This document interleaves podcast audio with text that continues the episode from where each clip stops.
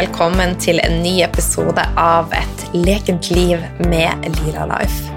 Podkasten med de hjertegode og varme tipsene for ei leken og balansert helse. Eh, intensjonen med denne podkasten er å gi deg innspill og la deg møte nye mennesker som kan åpne nye dører, og bidra til at eh, du kan ta grep i ditt eget liv, det som er rett for deg, for å bli den beste versjonen av deg sjøl. Og det er jo ei reise som er Ja, den er rett og slett eh, pågående hele livet. Og det syns jeg er veldig, veldig fint å tenke på. At prosessen er målet. Eh, det er, livet starter ikke når vi har oppnådd det eller det og det. Livet er her og nå. Ikke det litt godt å bare tenke på? I dag så har jeg med meg en utrolig spennende eh, gjest. Og jeg må bare si at denne samtalen den åpna en ny dør for meg. Og den var rett og slett nærende på et dypt plan, og jeg vil si at den var helt rå.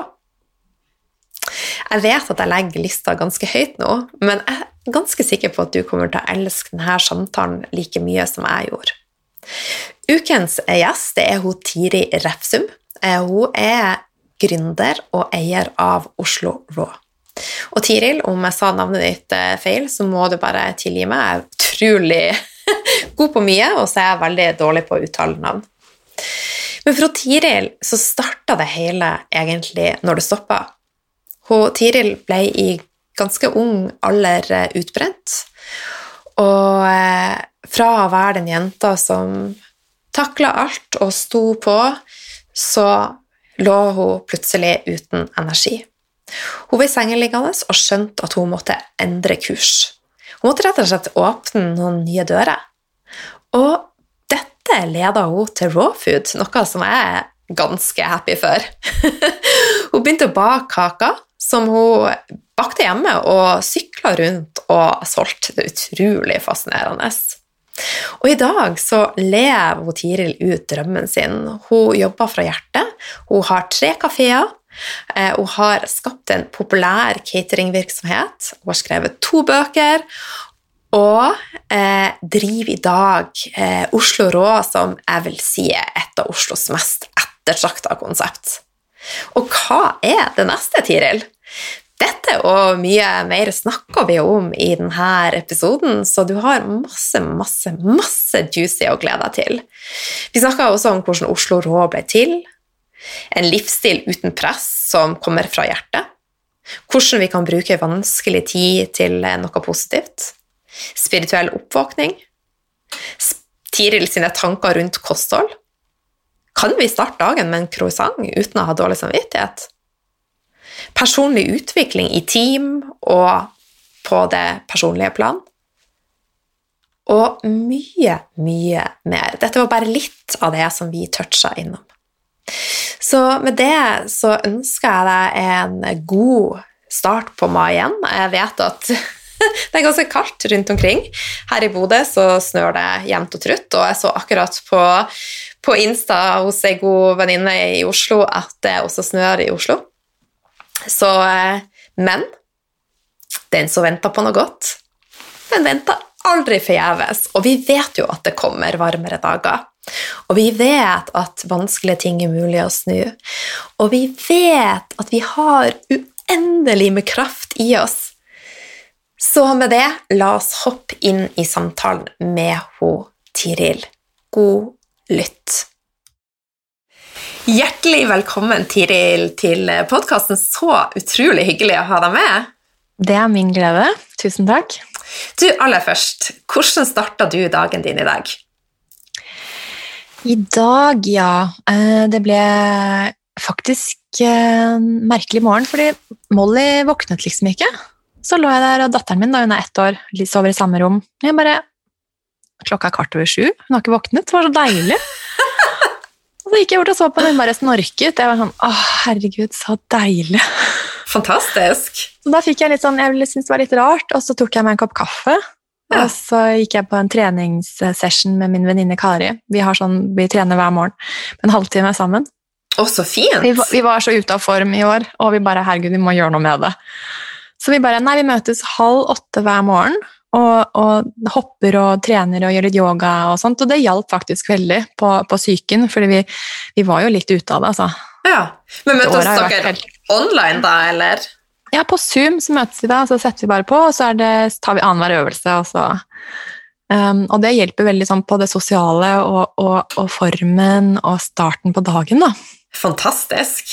Mm. Og nå avbrøt jeg deg midt i der du skulle fortelle om det året som har vært, for det har jo vært ganske katastrofalt.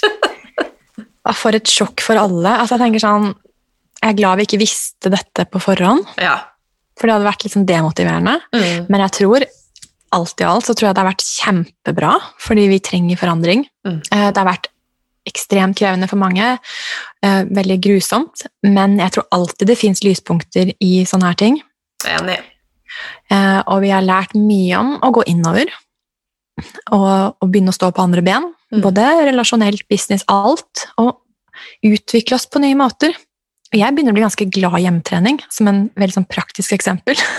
Jeg har heldigvis alltid vært det. Jeg trener alltid hjemme. ja, Men det er jo så praktisk, og jeg elsker å sitte i sofaen og ha møter. Mm. Spare masse tid og energi. Um, det er mitt liv, og jeg vet at mange som har hatt det kjempetøft. Det har også vært Mm. veldig tøft for meg, men det har vært mye fint òg. Og jeg har lært mye som jeg kommer til å ta med meg videre. Så fint. Jeg vil kanskje si at min spirituelle reise starta med korona. Mm. Wow. Ja.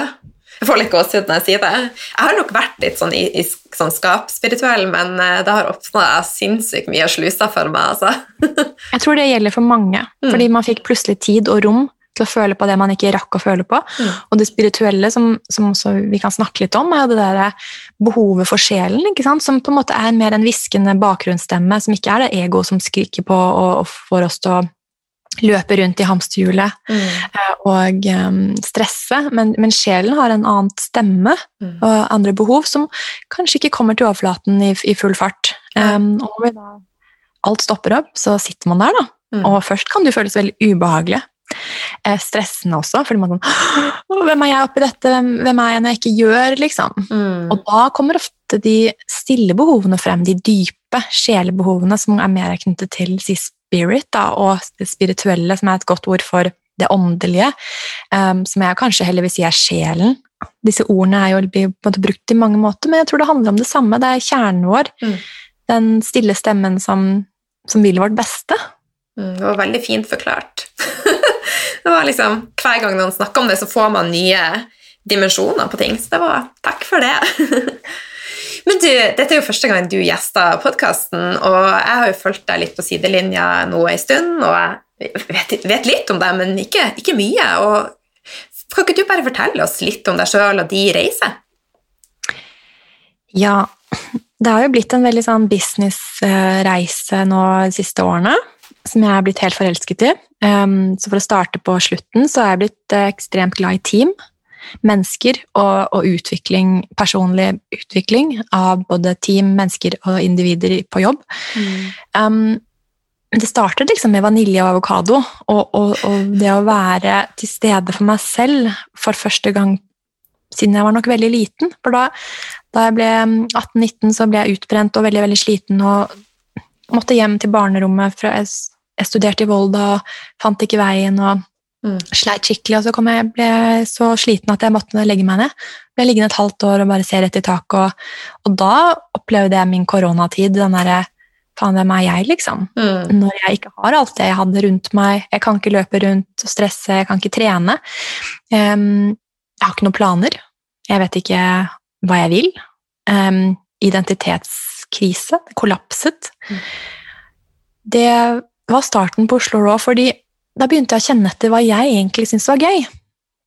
Hva gir meg glede? Jeg hadde levd for alle andre mesteparten av livet mitt. Gjøre det som var smart, um, riktig, være flink. Og um, det med kakene ble en veldig sånn intim, personlig, nær opplevelse for meg, som ikke handlet om business. Mm. Det var starten på noe veldig stort. Og etter mye så fikk jeg mye støtte hjemmefra også. Så fant vi lokalet på Adamstuen, og med en gang vi åpnet, så var det fullt trøkk, liksom. Og så den veien ble veldig til mens vi gikk sammen. Og jeg hadde aldri noen sånn kjempeplaner om å bli businesskvinne eller leder eller entreprenør. og Alt dette er bare begreper. Jeg tror at det som virkelig drar oss fremover, er på den gode måten, er, er, lysten til å gjøre noe man elsker, og hjelpe andre, og gi. Mm. Om man kaller det entreprenørskap eller whatever, det spiller ingen rolle. Fantastisk. Men eh, Trine Berge er jo ei, god venninne av meg. Hun er jo også veldig inne på det med raw food, og hun har liksom fortalt om det som for syklende og, og solgte da sånn raw food-kake. Det er jo ganske fascinerende, for det var sånn det starta. Mm, jeg hadde en veldig fin sykkel, en sånn Amsterdam-sykkel med sånn svær kasse foran. Og da hadde jeg på en måte ikke noe press på meg, for jeg hadde havnet så langt nedpå grunnen at jeg hadde ikke noe å miste, jeg hadde ikke noe å tape, jeg hadde ikke noe karriere, jeg hadde ikke noe drømmer, egentlig. Jeg var veldig sånn Ja, ja, har jeg sykkelen, så har jeg noen gode oppskrifter, og så ja, kan vel sykle litt rundt og sjekke om noen har lyst på de. Så det var en veldig sånn um, livsstil uten press. Og jeg tror det er en veldig god start for, for en bedrift og, og, en livsvei som er, springer ut fra hjertet og, og gleden. Mm. Um, så det var en fine sykkelturer, og jeg bare elsket å ta bilder av kakene på disse kafeene som jeg solgte, og, og, kjente at jeg begynte å utvikle meg. Jeg begynte å kjenne etter dette, jeg synes det er kjempegøy å ta bilder. Wow, estetikk, design, farger er jo noe jeg elsker å gjøre. Det var jo ikke noe jeg tenkte å, jeg skal studere design, men det kom mer fra en lekenhet. Mm. Så det jeg ser nå, er at Oslo Raw er jo en plattform som jeg kan bruke alle evnene mine på. Coach, jeg kan bruke design, jeg kan bruke veileder, jeg kan bruke mm, kokk, kokkekunster, ernæring. Eh, det er utrolig nærende for mennesket. Mm. Og, og, de som er på det stedet i livet hvor vi på en måte har alt vi trenger av på en måte hus, mat, å kunne stimulere alle sidene våre. da jeg tror det er noe av det mest næringsrike man kan gi seg selv. Og jeg tror nesten det er viktigere enn mat. Sånn, kost, det er veldig mye fokus på at man skal gjøre alt riktig.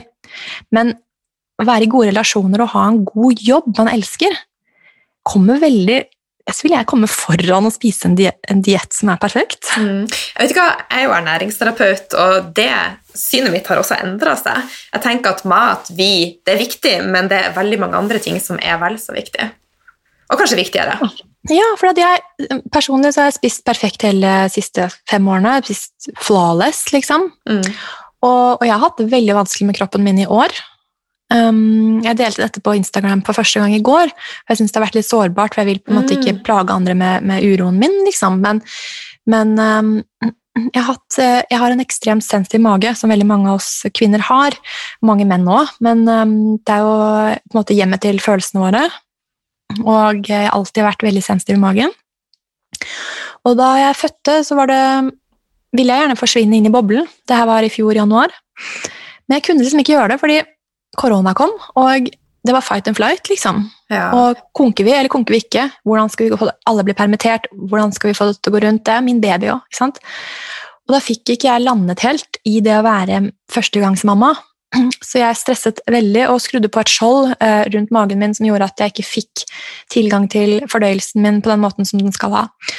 Eh, og utviklet liksom Kanskje forsterket SIBO som allerede var der. Ja. SIBO er jo liksom en feil bakterier i tynntarmen osv. Og, uh, og nå sliter jeg jo veldig, fordi at um, den er helt, helt ute av balanse. Så jeg sier til alle som har et perfekt kosthold, slapp av, liksom. For det er ikke alltid det på en måte er eneste veien. Jeg ville sett mer på livsstil. Um, ortorexia, som er en sånn spiseforstyrrelse rundt det å spise veldig veldig rent Nå snakker vi om mat her, så det er viktig å ta opp det. At å spise veldig rent kan også være et hinder i god helse. Mm. Og jeg, jeg, ser alltid veldig opp til de som slapper av rundt mat.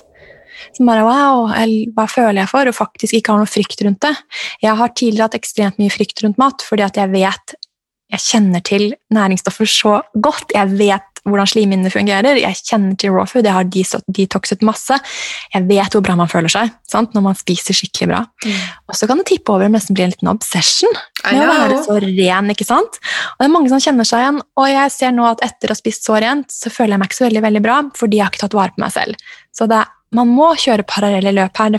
Man kan ikke kontrollere og fikse på utsiden med perfekte, kost, med perfekte kostholdsplaner.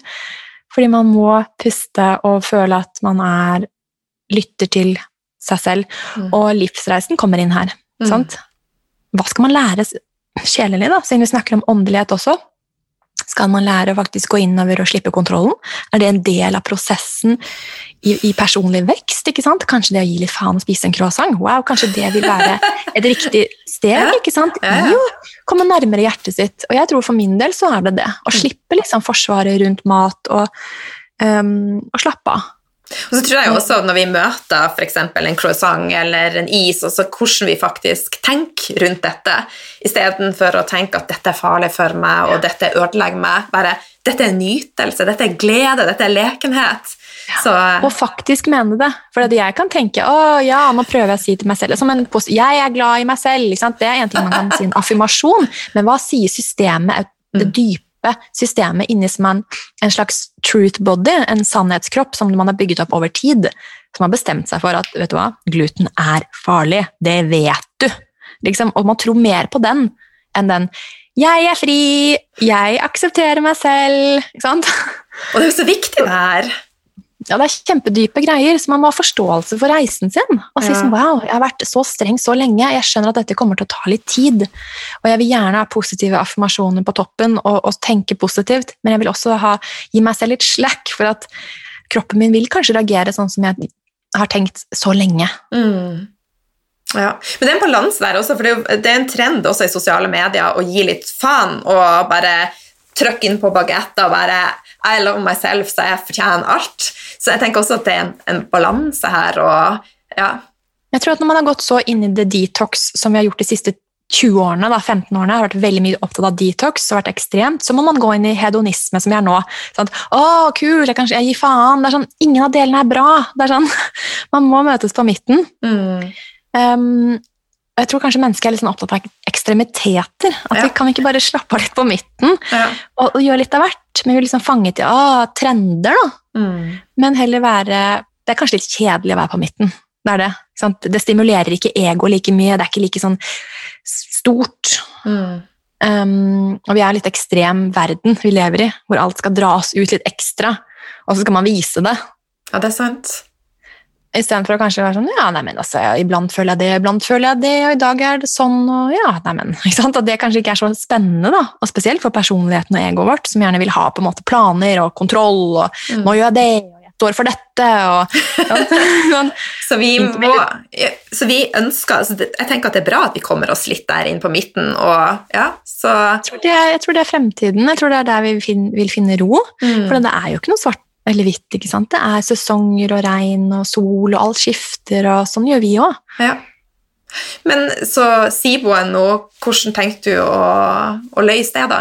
Har du noen planer? det har jo blitt et fysisk, en, fys, en skikkelig fysisk utfordring, så jeg Ja. kan ikke bare sitte og meditere bort det. liksom. Nei. Jeg tenker at roten kan være ja, Kanskje for når jeg var 15, så stresset jeg veldig mye og skapte en ubalanse. Og det er roten, liksom. Og at jeg kanskje spiste litt jeg spiste feil på et eller annet tidspunkt tidligere, Mm. som satte um, ting ut av spill. Men nå må jeg jobbe med det fysiske. for å komme, liksom, Det hjelper ikke å bare um, eh, slappe av, Nei, skjønner. tror jeg.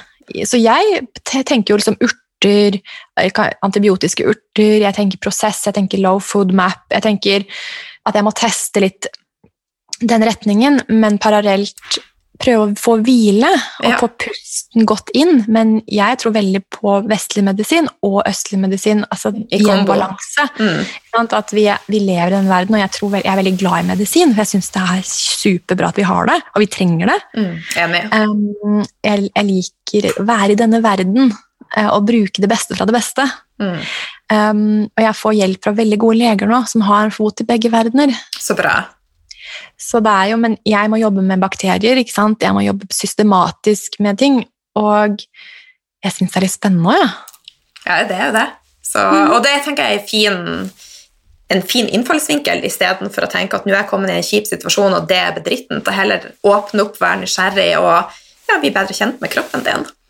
Og jeg tror det er veldig mange som sliter med dette, så jeg tenker kanskje at det er en grunn til det. Mm. At jeg går gjennom det for å få forståelse og respekt for alle disse livsreisene som er rundt omkring. Mm. Og tenk så mange som har slitt med dype greier, som har kommet igjennom det og hjelper så mange med det. Absolutt. Og wow, for en gave Mm. Så jeg tror alle disse utfordringene vi møter på, vil hjelpe oss til å bli bedre mennesker. Det tror jeg Og jeg kan også. være gi mer, egentlig. Ja. Og med, med den forståelsen så tror jeg systemet vårt får en slags ro og aksept og kjærlighet for prosessen. Og sier sånn, ok, så dette er ikke lett. Jeg går opp og ned, og det er veldig ille, og det går bra, og så går det ille igjen. Men å ha med den aksepten så mye som mulig, Mm. og skjønne at dette er kanskje meningen, selv om det er irriterende. Mm. Kanskje det er en mening med det, på et eller annet plan, at man lærer, man får en ydmykhet overfor kroppen og livet og andre mennesker. Mm. Eh, Nå fikk jeg også et påskudd til å spille inn episode om SIBO, for det har jeg ikke gjort. Jeg har faktisk fått flere mailer i det siste, og også fra ja, folk som jeg ser veldig opp til, og bare 'Kan du ikke spille inn en episode om SIBO?' Og jeg har fått mange gode tips, så det skal jeg faktisk eh, gjøre. Så takk, Tiril. Det er en underliggende rar greie som ofte misforstås med IBS. Ikke sant? Så det er mange som ikke snakker om det. Vanlige leger snak jeg har aldri hørt noen snakke om det. Så møter jeg en um, lege som jobber under Green Doctors, Mm. som bare Det første han sa, jeg var sånn Wow! Ingen har snakket om det, men det er så vanlig.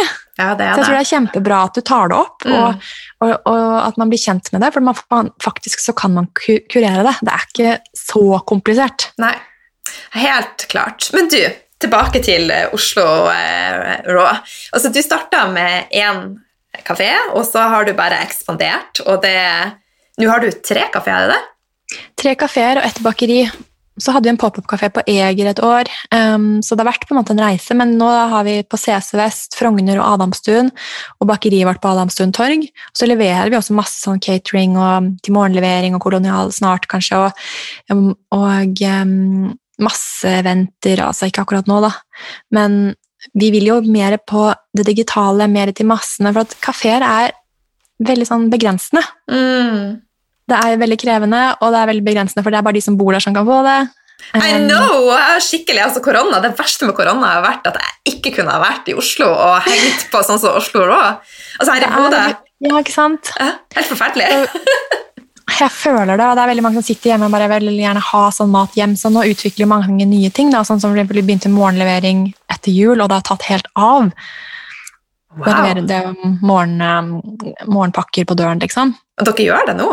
Ja, Wow. og, og, og det, det var jo noe vi ikke kanskje hadde gjort hvis ikke korona hadde kommet. Nei. Så vi vil nok eh, Det er nok veien det vi kommer til å gå. I tillegg med å bygge opp en kafékjede, og sånt, så er det også er det digital plattform med, med livsstil. Da. Alt fra produkter til artikler til shop um, osv. Så, videre. så det er jo store planer her. Men det, det er det vi har lært med korona, at vi vil mer. Ja. Så da kan vi faktisk eh, få ting til Bodø etter hvert. Jeg tenker at man må kanskje ha en stasjon nærmere Bodø, sånn at man, for det er jo en lang um, vei, da. Men kanskje hvis man har kjøkken i Trondheim, liksom, så Så lenge man har frysebil, så er alt mulig. Ja, alt er mulig. Men du, hva har vært viktig for deg i prosessen med også altså alt det her som har skjedd? Tenker du siste året? Eh, Nei, jeg tenker fra fra du starta Oslo Rå, altså bedrift og sånn. Er det noe som du har, sånn holdepunkt som har vært med at det har liksom vært viktig for deg? Altså Det viktigste for meg er, er personlig utvikling. For det gir mening. Da får alt en mening. Ja. Da blir det ikke problemer, da blir det mer spennende utfordringer som inspirerer meg til å vokse. Mm. Og jeg tror at hvis man skal få en vellykket bedrift og være en god leder, så må man sette personlig utvikling veldig høyt. Ja. Eh, Både hos seg selv, og legge til rette for at det skjer på arbeidsplassen. Så det har vært mitt, min største verdi fra jeg begynte. For at Oslo Rock kom ut fra at jeg utviklet meg personlig, ble kjent med meg selv. Kjente etter hva vil jeg, hva er jeg god på, hva er evnene mine, hva kan jeg gi? Mm. Det kommer ikke fra en businessplan eller fra en bok man fikk på BI om hvordan man burde drive business. Det kommer fra et ønske om å bli et godt menneske for andre og seg selv. Så det er det viktigste holdepunktet hver dag til en dag i dag. Mm. Em, jeg har jo gitt veldig mye coaching til ansatte som bedriften har eh, betalt for, og um, jeg vil at de skal bli kjent med seg selv, og at Oslo Raw kan være et sted for dem til å vokse, enten om det er å hjelpe dem videre til et sted de egentlig vil heller til, eller at de vokser i bedriften. Det er det viktigste holdepunktene hele tiden, for det handler om det innerste mennesket. Og hvis man fokuserer på det, kakene blir bedre, servicen blir bedre, omsetningen blir bedre. Altså sånn, Det er sluttprodukter av at kjernen er på plass. Mm. Mange bedrifter fokuserer veldig mye på de ytre tingene. Sant? Tallene, um, effektiviteten, målinger, Mm. struktur, strategi. Men man glemmer ofte hjertet. Og det er fordelen med at jeg er sjefen, at jeg er ekstremt opptatt av hjertet. Og med god hjelp fra strukturerte mennesker, så kommer man langt. Så fint det der du sa med at, eh, at ja, rett og slett hvis det, den prosessen er med å få dem til å se at de ønsker å være en annen plass, og at du er så åpensinna. For det er jo veldig viktig at folk faktisk er på rett plass, og at de får hjelp til akkurat Jeg det. sier, dem, jeg sier det alltid til dem. Hvor vil du, hva vil du? Vil du videre? Hvordan kan jeg hjelpe deg? Er sånn, hvis har noen lyst til å starte egen kafé, hvordan kan jeg hjelpe dem med det? De blir jo litt sånn herre Hæ? Eh, jeg vet ikke. Men bare at de vet at jeg vil at de skal eh, reise på sin beste vei. Mm. Og jeg mener at Oslo Rock kan være en god plattform for deres vekst. At de kan kanskje lære noe som de kan ta med videre. Mm. Og at jeg vil hjelpe dem best mulig. Så nå, i, i jobbintervjuer og sånn, så er det sånn, hvordan kan vi hjelpe deg, liksom? Ja. Hva kan vi gjøre for deg? Og da må man begynne å tenke. Da må man begynne å grave litt. Hmm, hva, hva trenger jeg som menneske? Istedenfor bare å tenke hva kan jeg levere, hvor fort kan jeg lage kaffe? Liksom. Mm. For at det, det er bare overfladiske ting. Vi, vi mangler å bli sett som å bli anerkjent og sett i vår verden. ja. Vi har hus, bil, penger, ja, alt. Mange har det. Men blir vi virkelig sett og anerkjent som individer, liksom? Det tror jeg mangler veldig. Jeg tror det kan så føre til veldig mye ensomhet, depresjon, stress. Mm. Um, så jeg må starte først. Anerkjenne meg selv, se meg selv, og så bære det videre til teamet. Hvordan kan man se hverandre? Og så igjen, hvordan kan man se kundene? Og da blir alt farget av det. Det får en mye høyere kvalitet. Mm. Så sant. Og jeg husker sist gang jeg var på Oslo eh, Raw, altså det er jo en veldig god stemning der, og da var jeg på Frogner, og, og da kom en av de ansatte, og skulle stenge, og bare spurte om vi skulle ha en juice eller en smoothie, for at det var jo bedre det at vi fikk det enn at det ble kasta. Og det er jo også ikke en selvfølge. altså det var, Vi følte oss virkelig sett, og, så du har virkelig lyktes, lykkes i den prosessen, da, vil Så jeg er det si. mange ganger vi ikke har lykkes, at vi gjør mye feil òg. Men Ja. jeg tenker at så lenge verdiene og holdepunktene er så stødige, at man jobber med grunnmuren um, og tilliten liksom, i teamet, Mm. så vokser man i veldig god retning. Men så vil man alltid møte på noen som på en måte ikke vil det samme, eller som misforstår, eller som eh, Altså, jeg kan jo gjøre masse feil, ikke sant? Og så sier jeg til teamet at dette er også greit. Ja. Altså, sånn, vi gjør feil. Mm. Vi er redde, vi er usikre til tider. Og når alle disse elementene i mennesket får plass, så kan man få ro til å vokse. Mm. Og da blir det plutselig sånn wow. Og jeg tror dette kan hjelpe mot stress. Det er sånn stressmestringsverktøy også. Det å tørre å gjøre feil.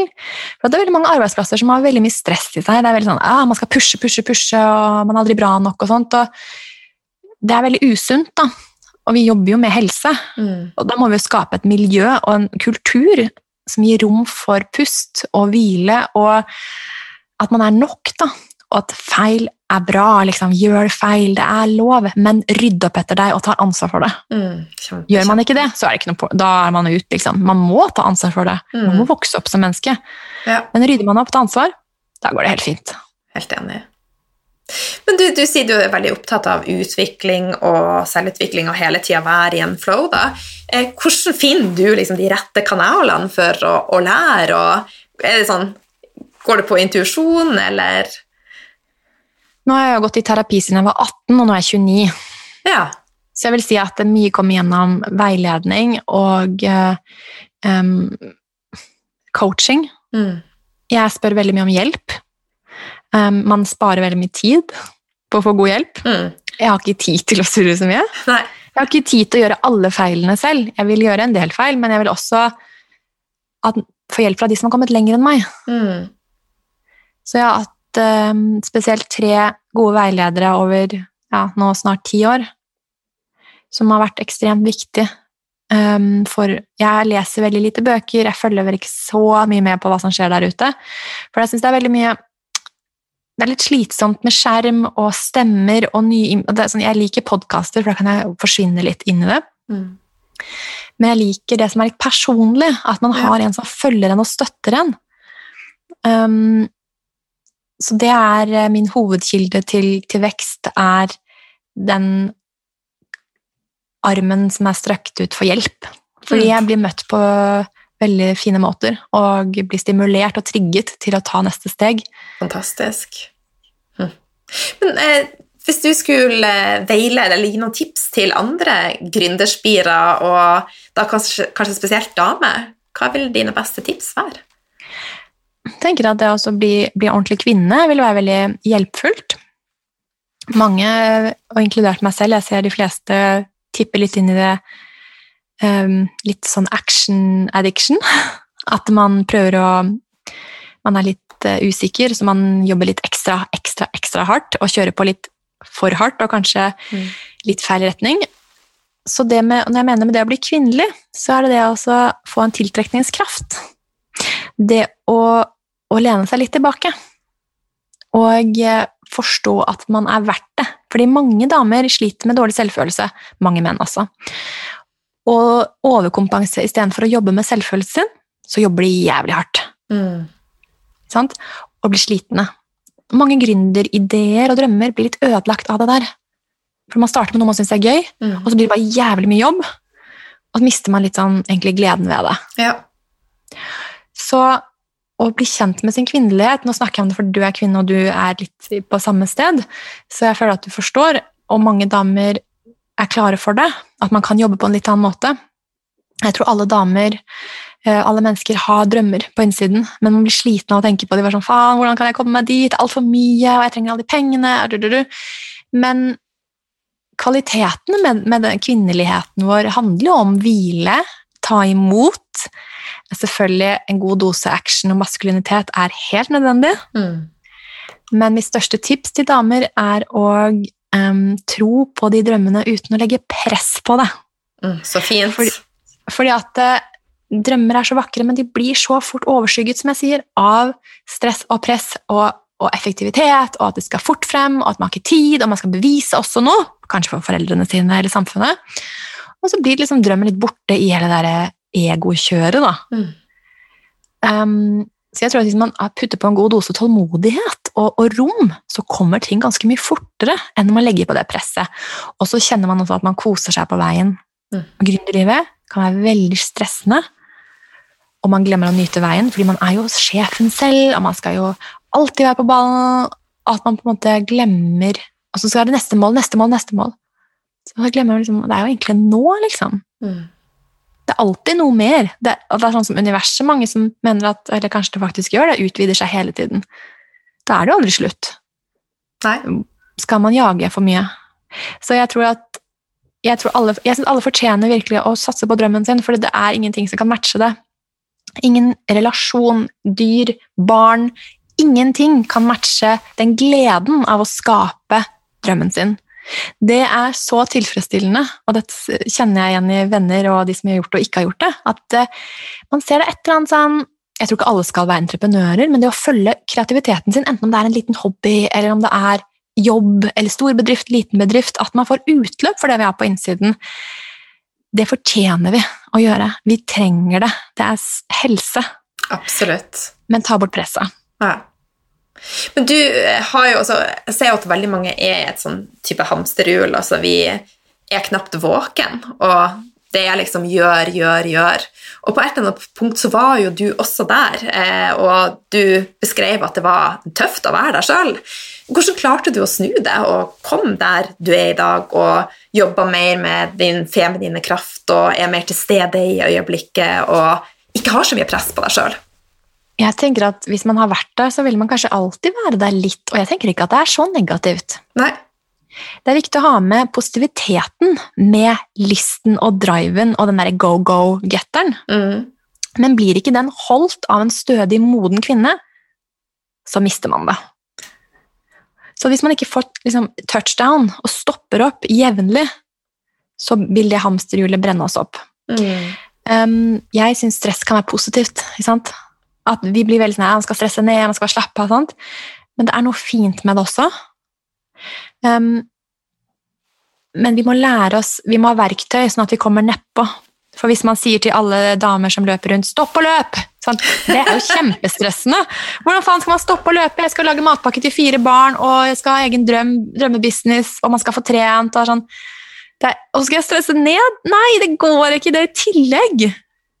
Så det første er jo å kanskje bare gi seg selv litt slack. Mm. Og bare Ok, jeg er stressa, og det går fint, liksom. Gi rom for det som er, og anerkjenne det. Si sånn, jeg er skikkelig stressa, bekymra og redd. Og si det høyt. Jeg er redd. Altså, få det man syns er vanskelig, opp. Ja. For det kan være veldig stressende for at man skal ikke si det som er kjipt. Man skal holde smilet opp, og man skal være fornøyd og rolig og lage den beste sinne maten, og så skal man ha god sex, og så skal alt være harmoni. og så er sånn, Hvor stressen er ikke det? Det er helt umenneskelig ja, det er sant. med, vår, med kvinnelig syklus også. Jeg tenker sånn, Det svinger jo ganske mye. Mm. Så det første er, for å stresse ned er å bare gi litt slack. Gi rom for å bare slappe av i det. Og også observer stress. liksom sånn at man spiser veldig fort, da, istedenfor å stoppe opp og ikke spise fort, observer at man spiser fort. Jeg tror at ofte Hvis man bare gir rom for det og observerer det, så begynner det å roe litt ned. Mm. Man motsetter seg ikke det. Man sier ikke nei til det. Man sier bare sånn wow, wow, jeg skjønner, at du er stressa, jeg skjønner at det går fort, og det er greit, jeg er her. Mm. Da får det der indre barnet som kanskje løper etter anerkjennelse, få en litt sånn ro, for det er som en voksen person som kommer inn og sier hei, jeg ser deg, det går bra, liksom. Mm. For jeg tror ofte det er sånne ting vi ubevisst løper etter, er jo kjærlighet. Kanskje at vi kanskje ikke føler at vi blir sett når vi var små. Så vi kompenserer med å jobbe jævlig bra. og gir og vi gir og vi gir, fordi at det, vi vil gjerne liksom bli sett og anerkjent. Ja. Så kanskje hvis vi kan fylle på med anerkjennelse fra oss selv, og si liksom hei, jeg er her, skjønner at det er tøft, du vil du ha en varm sjokolade, skal vi sette oss litt ned? Ja, ikke sant? Eller sette på en kul Netflix-serie, Mm. ta liksom ren sengetøy, gå, krype opp i, i sofaen med litt sånn ekstra mange dyner og kopp te, bløtlegge deg i, i varme, um, sånn at man får opp disse oksytocin-nivåene, de nytelseshormonene som, som kompenserer for stresshormonene, ikke sant? Mm. I stedet for å kutte bort stresset, så sier man heller jeg skal bare få inn litt mer nytelse. Er du flink til å gjøre dette sjøl? Jeg begynte med det, for at jeg skjønner jo at mye av dette tarmgreiene handler om stress. ikke sant? Og siden jeg har vært så innmari i hamsterhjulet mye av livet mitt, og jeg kjenner det så godt, og jeg mestrer det, så jeg er kanskje den flinkeste av de flinkeste på det. ikke sant? Jeg, jeg husker læreren min da jeg var 13-14, så sa han til meg at jeg var motoren i klassen. Wow, tenk å få den på seg, liksom. Og jeg fikk jo så mye fire av det. Jeg ble sånn Yes, ok, jeg har fått den rollen! Det er jo som å si Det ble, jo en gutt, ikke sant? Som skulle da putte enda mer ild på bålet hele tiden for å få alle til å gå fortere. Som er jævlig gode kvaliteter i business. Men alene så brenner man opp.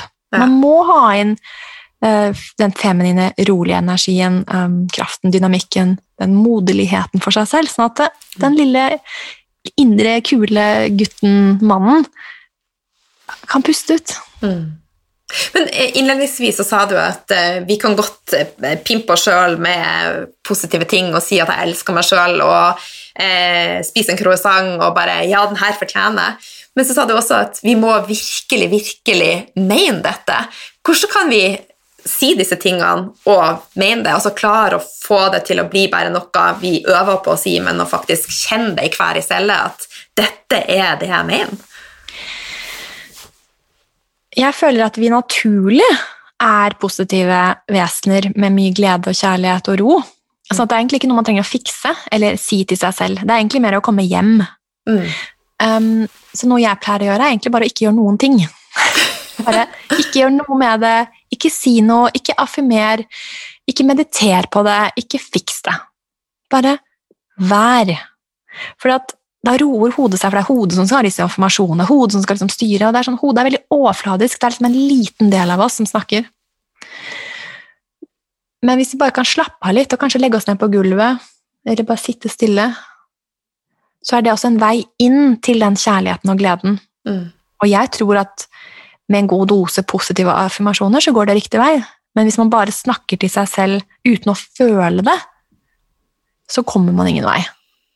Men man må nedpå. Mm. Og, mm, og jeg tror at når man kommer i den litt sånn roen, stillheten, varmen, man er litt stille oppi hodet, så gir man veldig mye av seg selv. Det er en veldig sånn fin um, det, er, det er fint å være rundt sånne mennesker som er i den tilstedeværelsen. Mm. Og det kan man si er kanskje mer sterkt enn å si 'jeg elsker meg selv', 'jeg tror på meg'. Det blir veldig sånn hardt overfladisk. Men jeg har prøvd alt mulig, og det første jeg gjør, er egentlig bare å roe ned systemet litt. Fordi at jeg tror at vi alle er der hele tiden. Uansett, egentlig, bottom line, er vi der. Mm. Men det er også ganske effektivt å gå i speilbildet og se seg selv og si sånn Hei, jeg vil være min venn. Jeg trenger meg. Jeg er her for meg. Og kanskje ta oss og klappe seg litt på kinnet. Bare sånne ting kan også være veldig kraftfulle for å, å komme hjem, da. Absolutt. Og så småting. Ikke sette i gang noen store prosjekter eller noe sånt der, jeg skal ha ti minutter affirmasjon hver dag. Liksom. Heller kanskje bare si tre setninger til seg selv. Sitte ett minutt og meditere. Det er ganske, my- er ganske effektivt, altså. Mm. Jeg begynte å meditere eh, mer og mer, og det er utrolig hvor, eh, hvor kraftfullt det er. Så det er helt fantastisk. Helt fantastisk. Men så igjen, vi er forskjellige, sånn at for noen så er det jo å strikke er jo en meditasjon, og ja, så det er jo å finne, finne vår vei, da. Men en ting som jeg er litt nysgjerrig på. Har du testa ditt eh, human design-kart? Jeg har faktisk fått noe reading, og så har jeg testet litt, men jeg har på en måte aldri husket noe av det de har sagt, så jeg tror kanskje ikke jeg er så veldig interessert. Nei? Vet du hvilken type du er, da? Jeg tror det er generator. Ja? Det er du. Det er den som de fleste er. Ja, men det er jo, det er jo kraftmotoren i samfunnet. Ja, Ja. jeg tror det er det jeg er, altså. Jeg tror uh, mm. Hmm. Nei, altså, jeg vil, hva du skulle si? altså, jeg, jeg tror kanskje at jeg bare må litt mer inn i det for å Jeg har ikke helt kommet inn i det. Nei. Men jeg tror hvis noen er skikkelig gode på det, så tror jeg jeg kommer til å bli veldig interessert. Mm. Det er veldig spennende, da, men igjen så er det jo kanskje ikke rette tida for deg nå. Så eh, altså jeg, er jo, jeg begynner å nærme meg 45, og det er ganske artig da jeg leste mitt kart og så tilbake til jeg var liksom 20, og alt bare stemmer. For jeg har også vært utbrent, og, ja, og det står at når jeg er 55, så kommer jeg til å sitte ganske alene og meditere en eller annen plass der, da. Wow. Ja. Nei, men det, altså det, det symboliserer at jeg kommer til å bare gå mer og mer innover, og det er jeg veldig klar for. Det er jeg. Jeg, tror det er, jeg tror det er veldig fint. Jeg tror det er, vi er klar for det. Mm. Jeg tror den indre revolusjonen liksom, er vel så sterk som den ytre. At det er kanskje ikke man skal snakke så høyt om ting lenger. At liksom man lar vibben sin og på en måte kraften sin tale. Mm. Det har veldig stor effekt. Så at når du mediterer, da, så hjelper du veldig mange på jorda. Dette er gjort liksom, forskning på mange som kan, de kan faktisk måle feltet vårt. Um, og hvis man er skikkelig sur og sint og i skam og frykt, så trekker man liksom alle litt ned. Mm. Så man gjør jo alle en tjeneste ved å gå innover og ha det bra med seg selv. Absolutt. Så jeg tenker at alt er jo energi og frekvenser, sånn at eh, det vil jo reflekteres eh, rundt oss. Og det med sjakra det er så mye spennende. Det er veldig, veldig spennende. Men du, innledningsvis så var du, vi var litt innom det spirituelle. Jeg har litt lyst til å høre litt mer. Hva er spiritu spiritualitet for deg? Jeg føler at det er tilstedeværelse. Mm. Um, ofte så tenker man oppover, liksom når det er spirit og himmel, stjernene, men, men for min del så er det mer natur uh, og jord. Mm. Mm, Jeg tror det er min livsreise, er egentlig å gå mer ned. Jeg har veldig lett for å gå opp. Um, jeg har en veldig sånn Jeg kan forsvinne litt. Det er sikkert noen som kjenner seg igjen i at de spacer ut, og at de nesten ikke kjenner noe fysisk igjen. At det er som at jeg ikke har en kropp.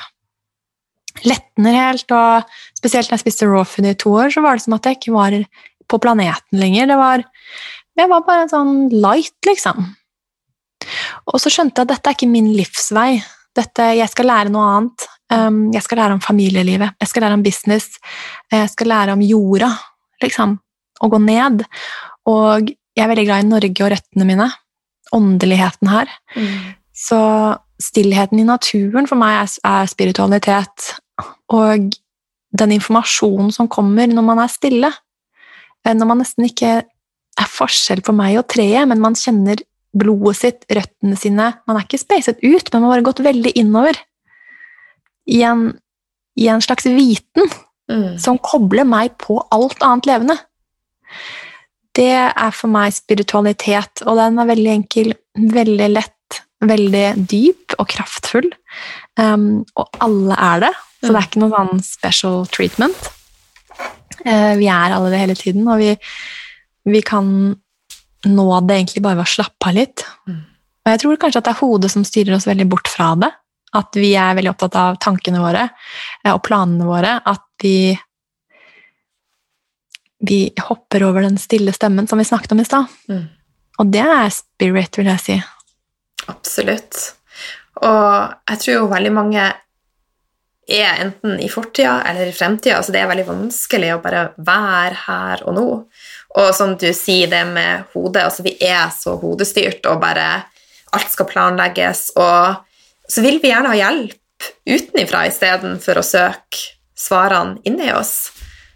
Og noen ganger så er det å spørre om hjelp veien inn. Mm. Jeg tror ofte at hvis jeg skal være veldig sånn sterk kvinne, så skal jeg klare alt på egen hånd. Men jeg tror jeg skal lære Dette er veldig u- u- eh, forskjellig fra folk til folk, men at jeg skal også lære å spørre om hjelp. For det er også en vei inn. Um, men da spør man om de riktige tingene. Liksom sånn, Hei, kan du holde meg? Liksom, fordi at ofte, jeg tror at Det er derfor vi er i en menneskelig kropp, at vi skal lære å relatere oss til andre fysiske kropper og kjærlighet og mennesker. At vi um, blir fysiske, liksom. Mm. Um, og jeg tror det er noe av det jeg skal lære. Andre skal kanskje liksom bare finne liksom alt på innsiden. Men jeg tror at min vei faktisk hjem akkurat nå er å spørre om hjelp fra mannen min. For at når jeg lukker meg og bare går inn, så blir jeg utrolig sånn hard, men jeg får, får til veldig mye i verden. Men jeg, jeg stopper opp litt. Så for, for min del er når jeg slipper inn andre og lar meg selv ta, eller at jeg tar imot fra andre, så kjenner jeg en ny tilgang liksom, til eh, meg selv. Da. Så fint. Så jeg tror at jeg har gjort, jeg har gjort den jobben hvor måte, man, jeg har vært mest alene hele mitt liv. Jeg har alltid vært veldig isolert, aldri sluppet noen inn, alltid vært veldig sterk, alltid bodd alene, eh, fikser det selv, trenger ingen. Jeg har gjort den biten. Jeg har også sittet mye alene i meditasjon, mange år, sittet og malt, Øh, forsvunnet veldig sånn inn i den spirituelle delen, og, og hatt det helt fantastisk i det. Og så kommer det til et punkt der jeg skjønner at nei, jeg skal faktisk relatere meg til andre, og, gå, og der er veien min inn, Mm. videre. Men her tror jeg vi alle er på ulike reiser. Um, Absolutt. Jeg tror vi har forskjellige livsoppgaver. Ja, og jeg skal lære nå det å åpne meg opp og ta imot Mm. i relasjoner. For det er det jeg syns er mest skummelt. Liksom. Jeg syns det er skikkelig stressende noen ganger når jeg skal liksom, trenge noe. Jeg er helt enig. Jeg syns det er kjempevanskelig, så eh, det er også noe jeg må jobbe med. Så, eh, men det med dharma, altså det er jo livsoppgave og livsvei, det er jo utrolig spennende. Så for meg har det vært en altså, stor altså, ja, hva man kan kalle det, oppvåkning. Eh, og eksempel hvis jeg skulle gå tilbake og vært ansatt, jeg tror ikke jeg hadde klart det.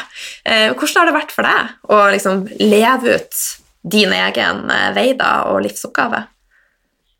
Ja, jeg tror det er sånn at man har en dharma, man, det er sånn, noe som er forutbestemt, og så er det en slags kontrakter man har skrevet gjennom livet, så er alt skjer på en gang. Samtidig så tror jeg man kan velge veldig, veldig mye selv. At man finner ut av hva man syns er gøy underveis, og Mm. at man er fri Mm. til å endre kurs anytime. Jeg tror i hvert fall det er et sted vi er i universet nå, eller på planeten, i denne tiden vi lever i, at man kan velge mer. At man er fri til å velge mer, og man kan styre um, den retningen man ønsker. Man har veldig mye kraft. Mm, for min del er det da så lenge jeg åpner meg opp til den um, mitt potensiale, liksom, så er jeg på dharmas den, den veien der. Mm. Uh, og jeg velger akkurat nå kaker, liksom. Um, jeg velger disse fysiske scenarioene for å, for å komme hjem til meg selv. Mm. Og hente ut mine talenter så jeg kan hjelpe andre. Um, det kunne vært noe annet. Det kunne vært eh, kunst. Det kunne vært um, hva Foto, kanskje?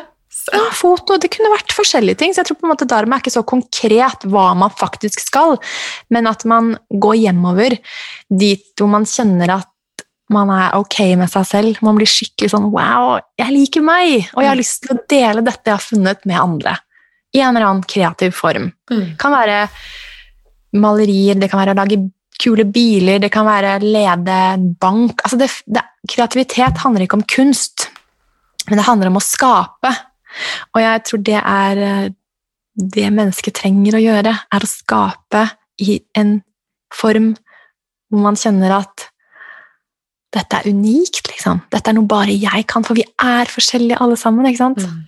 Og det er utrolig spennende når man kommer i kontakt med det som bare vi har. Ah, Og så gir man det. sant.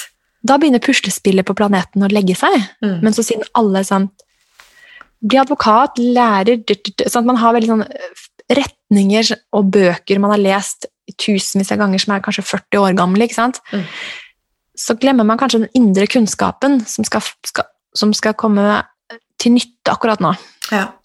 Og Det er derfor jeg er veldig glad jeg ikke har studert, eller har ingen utdanning. noen ting, fordi alt fra Oslo er selvskapt, for jeg har bare sittet veldig mye i meditasjon hjemme og, og vært mye i terapi for å finne retning. Fantastisk. Og ting blir veldig unikt og nytt. Så jeg er veldig sånn Bli kjent med deg selv, og bygg business på det. Fordi du er din business.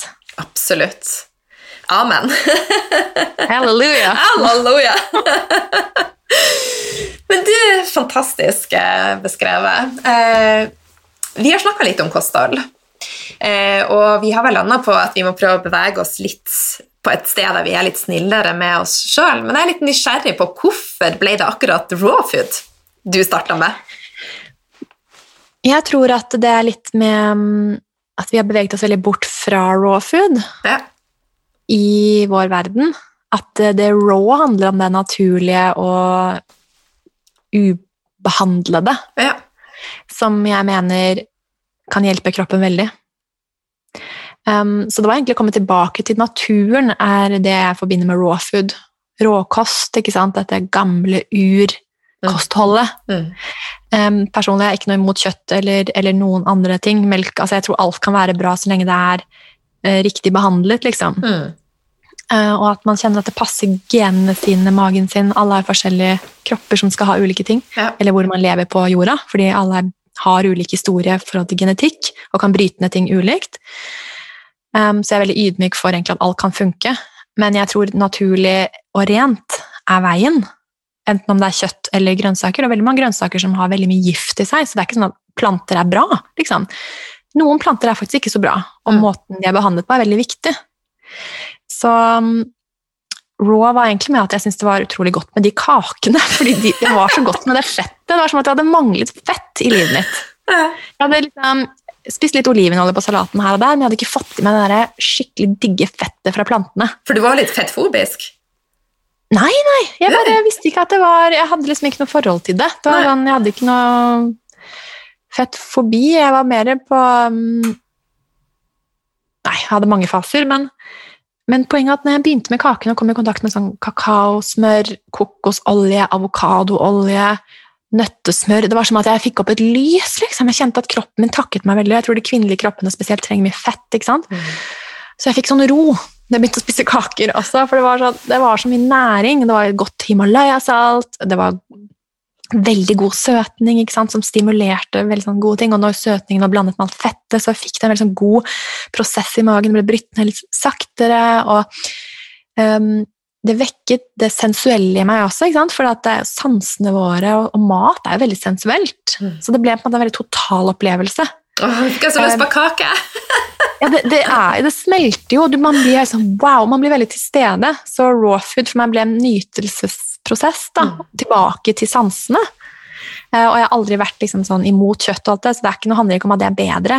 Men jeg tror vi trenger mye av det ubehandlede Mm. i livet vårt. Eh, spirer, fermenterte ting, hvis man har eh, bakterier i tarmen som liker det eh, på den gode måten. Og altså, syltet rødløk, råkostsalater, kanskje en gulrot før man spiser kjøtt. Altså sånne småting som um, kan hjelpe oss. Og det er veldig mye med disse vitaminene og mineralene og pH enzymer og fiber og alt det som er utrolig gunstig, generelt sett. Altså Når jeg er på SIBO, så kan jeg ikke spise noe av det. Så Det er jo sånn veldig fin læring, for det er veldig mange som er på low FODMAP, som ikke kan spise disse FODMAP-matvarene som avokado og mye innen raw food, da, som er mye fiber. og Mm. I hvert fall de første dagene nå etter antibiotikaen så kan jeg ikke spise så mye fiber, og heller veldig mye fett. Og gjerne masse animalsk. Mm. Så jeg, jeg får inn det perspektivet òg. Jeg syns det er på en måte litt fint at jeg går gjennom ulike ting, for da skjønner jeg hva kundene går gjennom. Jeg møtte senest i forgårs en dame som bare 'Har du noe low FODMAP på menyen?' Jeg var sånn mhm, sister, I feel you'. jeg bare 'Jeg skal lage en FODMAP-meny på Oslo Raw', sånn at alle, altså også low carb og keto, og at man har disse ulike variantene. Er du seriøs nå? Jeg er helt seriøs. Ja. Jeg er helt seriøs. Fantastisk. Fordi jeg trenger mat, jeg òg. Og jeg syns det er gøy å teste ulike retninger. Ja, halleluja. Men eh, eh, du starta dette for at du var veldig glad i kake. Nå kan du faktisk ikke spise dine egne kaker, da. Altså jeg får jo, altså Leger sier litt ulike ting, men kokosolje kan jeg spise. Eh, kokosnøttsmør. Eh, tahini jeg, og vanilje, så jeg, jeg lager nye kaker. um, tahini uh, nut butter cups med kokossmør med vanilje og Himalaya-salt. Altså, wow! Det er kjempegodt. Og det er som en liten kake. Så jeg finner veien. Men det- der tror jeg vi er utrolig like, for jeg har også vært på forskjellige ting. For enten, for jeg har flere autoimmune sykdommer, men som jeg er så å si frisk av. da. Eh, men jeg klarer alltid å finne en vei til å lage kake, altså.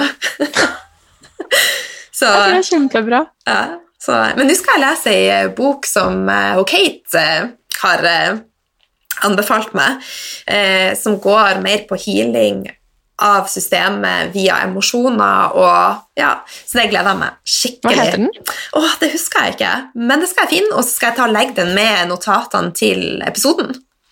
Eh, så lytterne også får den. Så skal jeg sende den til deg, Det er et veldig viktig perspektiv å ha med, det. den Mm. emosjonelle healingen. Mm.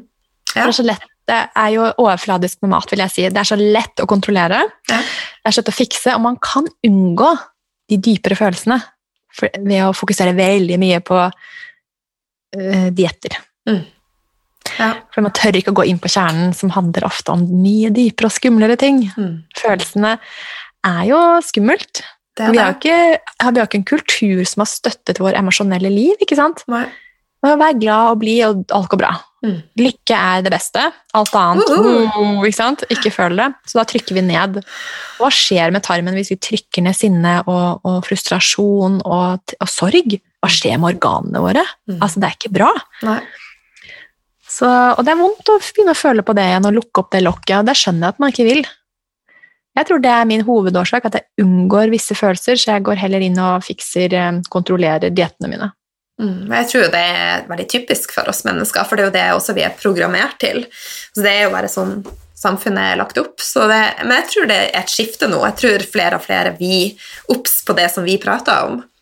Og eh, nå fikk jeg lyst til å spise en croissant og være skikkelig naughty. Jeg tror det er en interesse for, eh, for, for um, personlig utvikling, og man Mm. skjønner at wow, hvis man skal fortsette, så må man begynne å føle. Mm. Og jeg tror, dette er min, min mening, at kvinner har et ansvar her.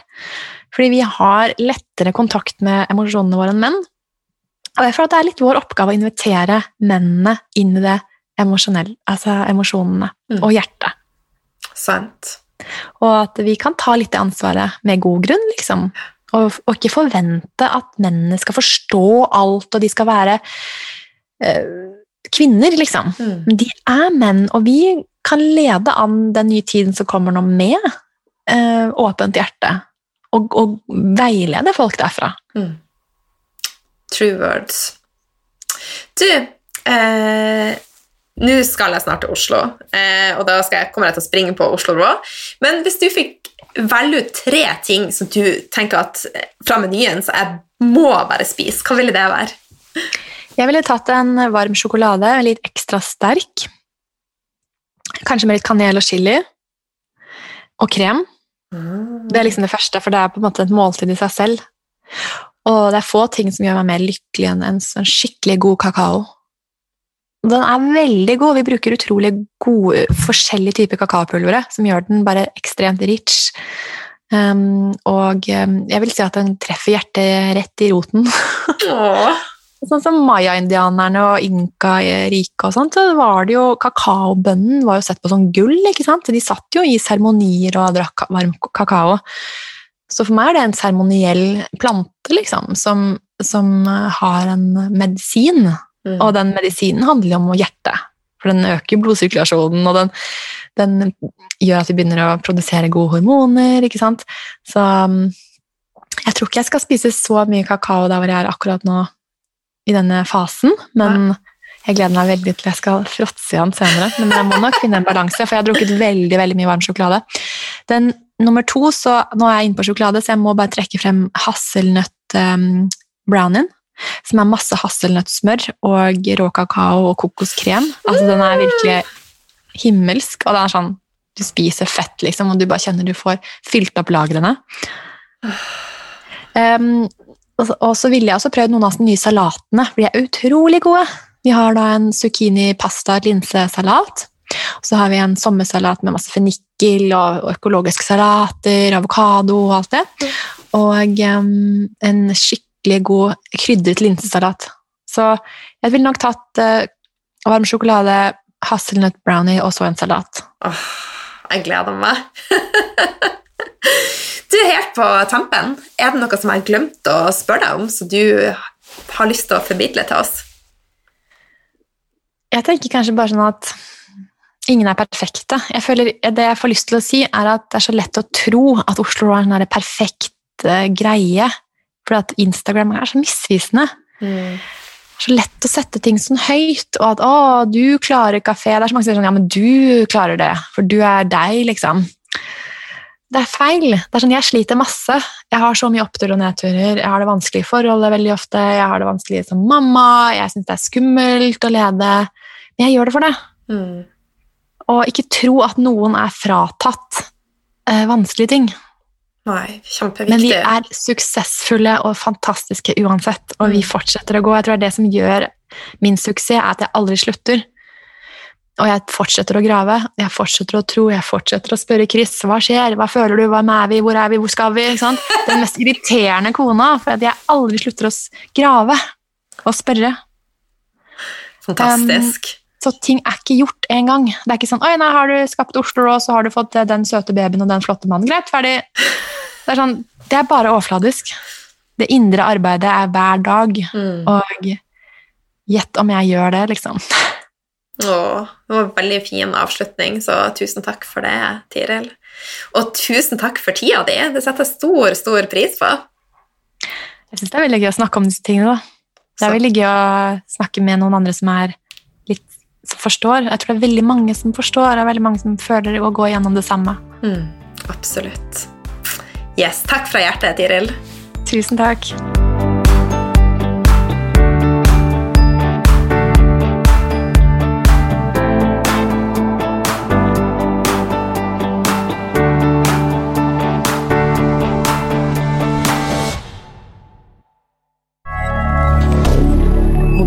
med.